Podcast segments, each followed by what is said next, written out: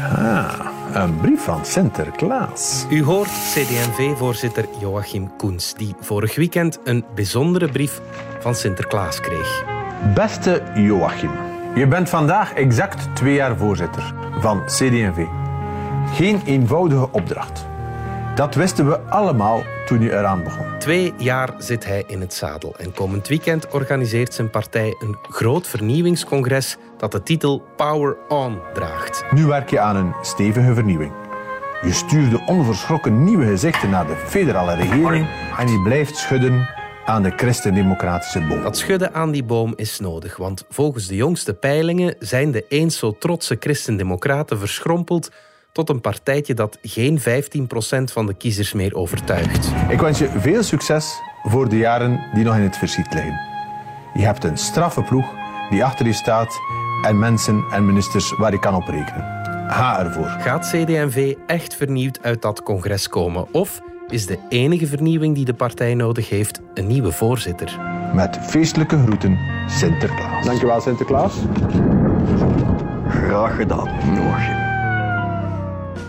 Het is donderdag 9 december. Ik ben Alexander Lippenveld en dit is vandaag de dagelijkse podcast van de Standaard.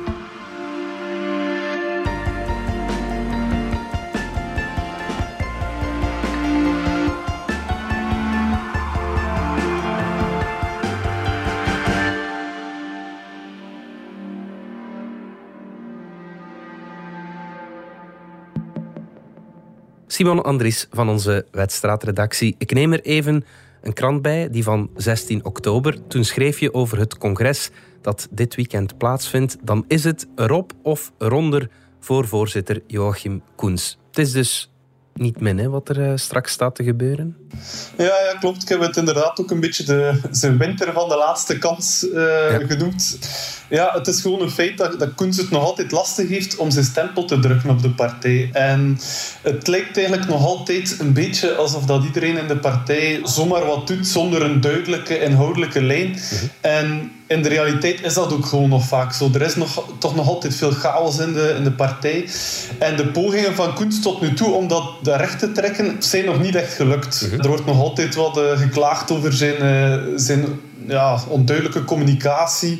En de peilingen waren, of de laatste peiling was misschien net iets beter, maar toch nog altijd niet echt van die aard dat er opnieuw groot, uh, groot enthousiasme is, is bij de partij. Mm Zijn eerste poging, congres in juni, een statutair congres, was al een poging om die partij wat in de pas te doen lopen. En uh, hij had toen ook het idee om daar het, ja, een nieuw mission statement voor de partij aan te brengen. Koens wilde daar dus op dat vorige congres een eh, statement maken door de allereerste zin van de CD&V-statuten. Uh, dat was toen voor ons telt elke mens. Mhm. Een beetje naar onder te duwen en te vervangen door het meer liberale uh, eh, CD&V gelooft in wat mensen kunnen. Ja. Maar je raakt duidelijk niet zomaar aan een mission statement van een partij, want het werd onmiddellijk weggestemd, ook al was het nipt. En Koens liep toen echt wel kwaad weg op dat congres. Dus dat was eigenlijk een beetje een pijnlijke gebeurtenis toen. Maar, maar kijk.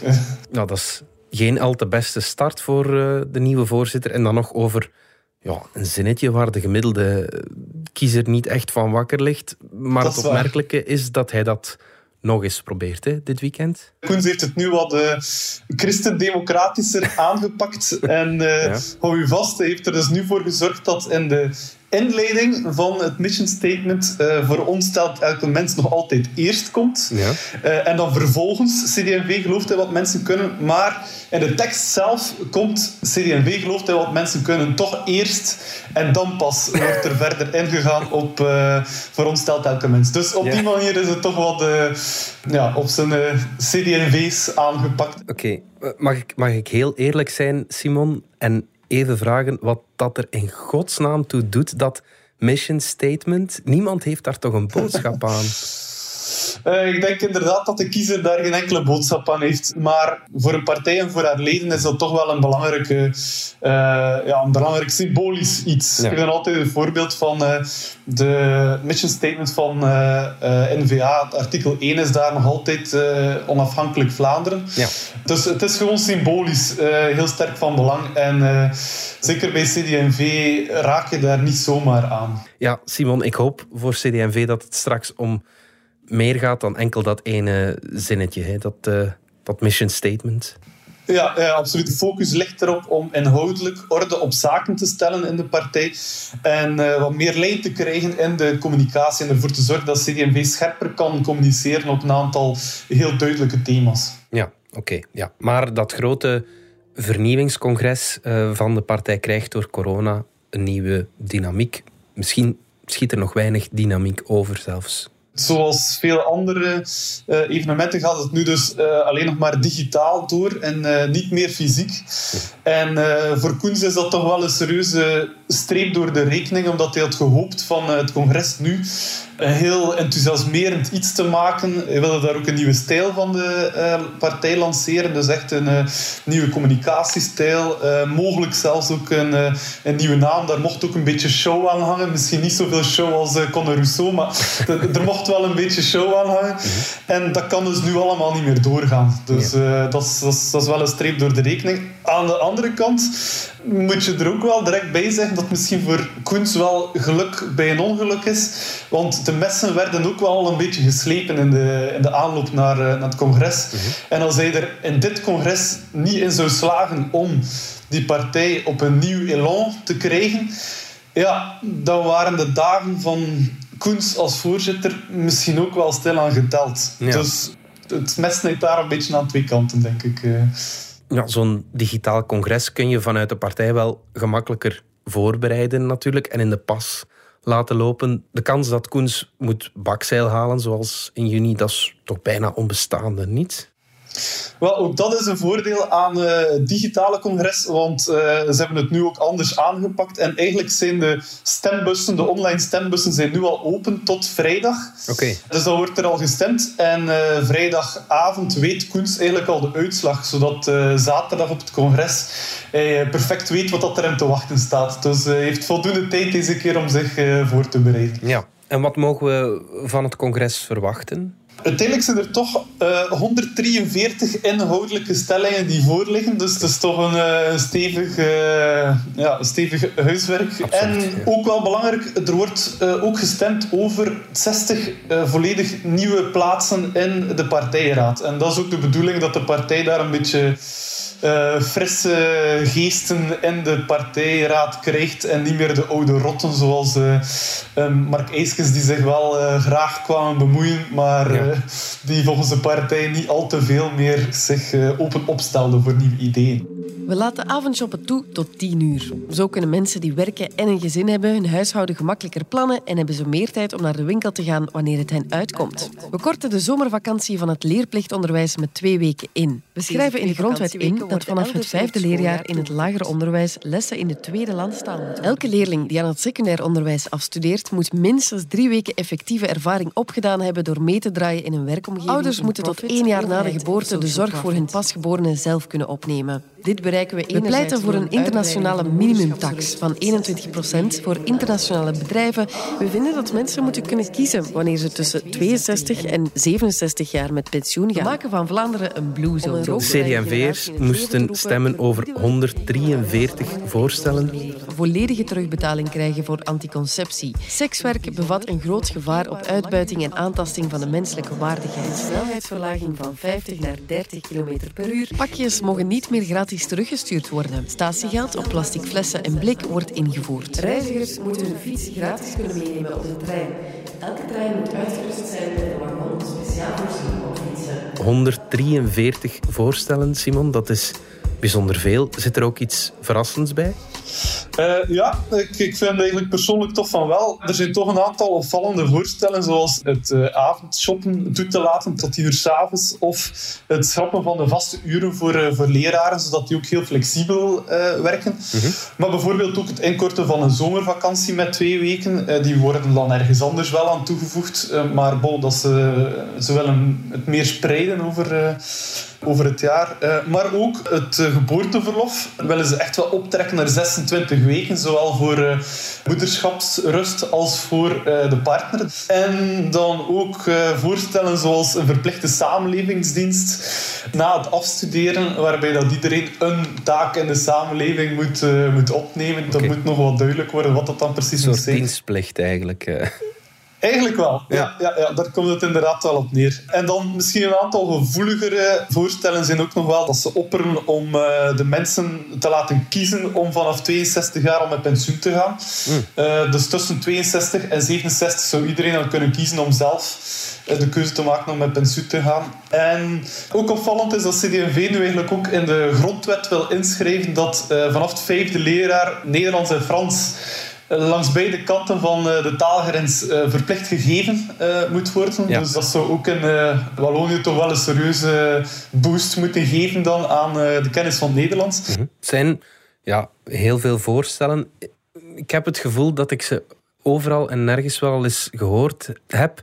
Is er iets dat die voorstellen bindt, waardoor je kan zeggen: dit is CD&V? Want ik denk dat dat het grootste probleem is van CD&V vandaag. Hè?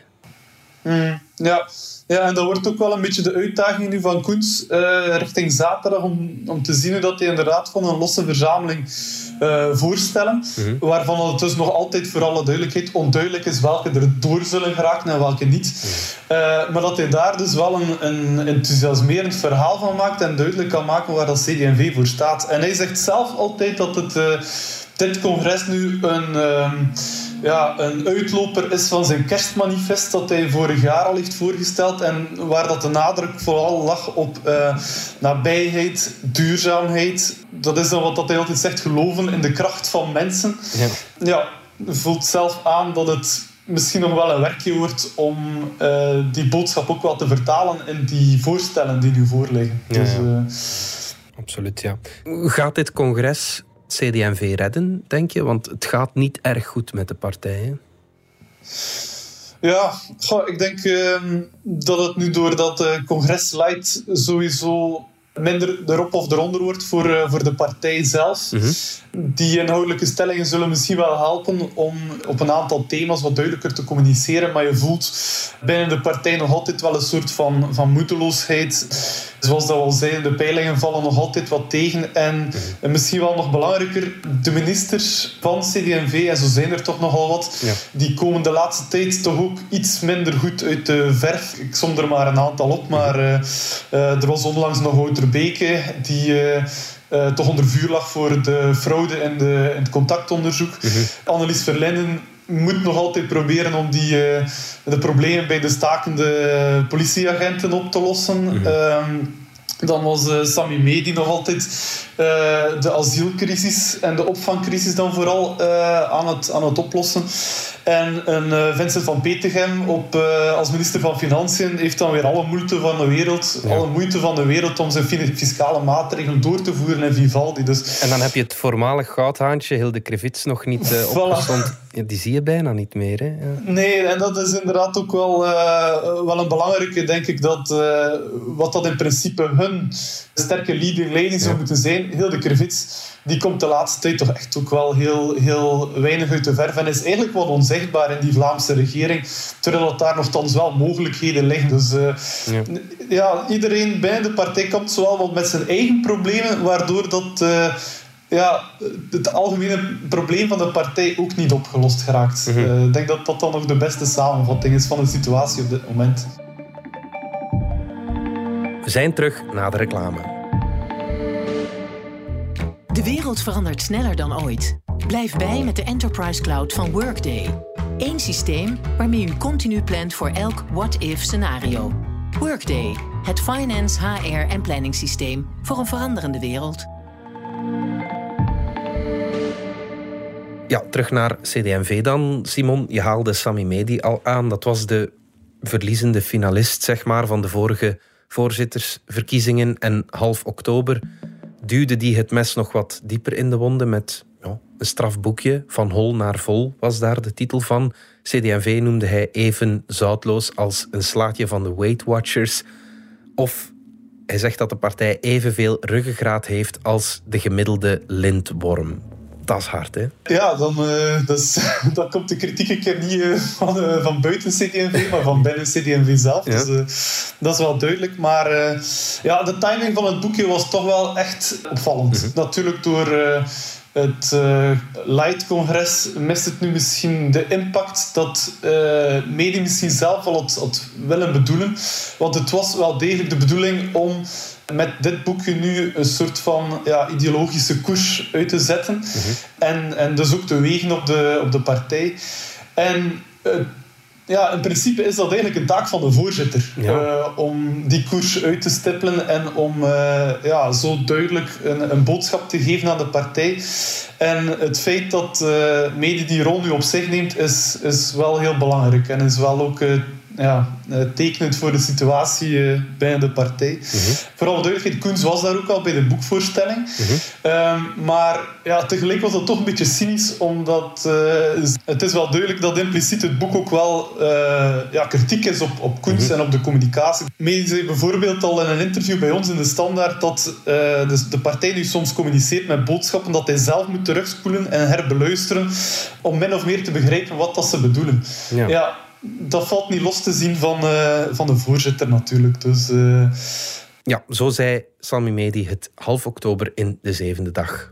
De partij heeft de voorbije jaren ook op, op een aantal congressen duidelijke standpunten ingenomen. Maar op het moment dat je ze moet verdedigen of naar buiten moet brengen, ja, dan zijn we soms te krampachtig om ze voluit te verdedigen. En ik merk dat er heel wat kiezers zijn die op zoek zijn naar politieke partijen die daadkracht en leiderschap uitstralen. En die niet op zoek zijn naar een grote bewegingspartij die dan vooral vraagt aan de kiezer wat denken jullie dat de oplossingen moeten zijn. Simon, kreeg Medi veel bijval met dat boekje binnen zijn partij? Ja, toch wel. En uh, zeker bij een deel van de partij wordt het nu al een beetje aanzien als de, ja, als de nieuwe Bijbel en als uh, de nieuwe leidraad van, uh, van, okay. van de partij. Ja. Dus nee, het, heeft, het boekje heeft intern zijn, zijn impact niet gemist. En natuurlijk doet dat de vraag reizen van uh, wil Medi straks opnieuw een, uh, een gooi doen aan het voorzitterschap? Want uh, ook, ook, dat zoomt rond binnen de partij. Hij heeft nu het boekje geschreven, heeft de, de, de lijnen uitgezet. Ja, waarom... Ik zou zelfs denken, Simon, dat hij zich al voorzitter waant. Uh, ik denk dat dat misschien ook geen slechte uh, analyse is. En dat ook een deel van de partij misschien uh, Medi al als, als co-voorzitter ziet of zo. Ja.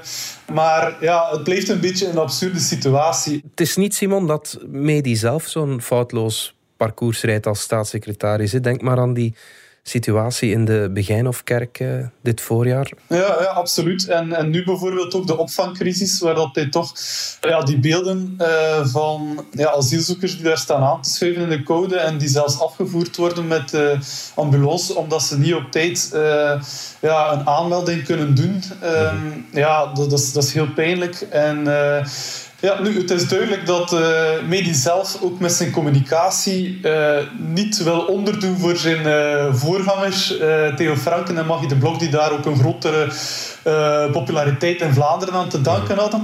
Maar bon, die vorm van communiceren en die ja, soms toch wel heel forse opstelling die zorgt ook wel binnen de partij voor wat uh, vrevel. Want niet iedereen is het daar ook zomaar mee eens met die toch wel ja, veel rechtsere koers en veel rechtsere toon die, uh, die media op dat vlak uh, aanslaat. En dan is er ook nog een keer het feit dat de Medi zelf ook zich niet helemaal op zijn gemak voelt in die Vivaldi-regering, waar dat de PS en Ecolo ja, toch wel een stevige stempel op drukken.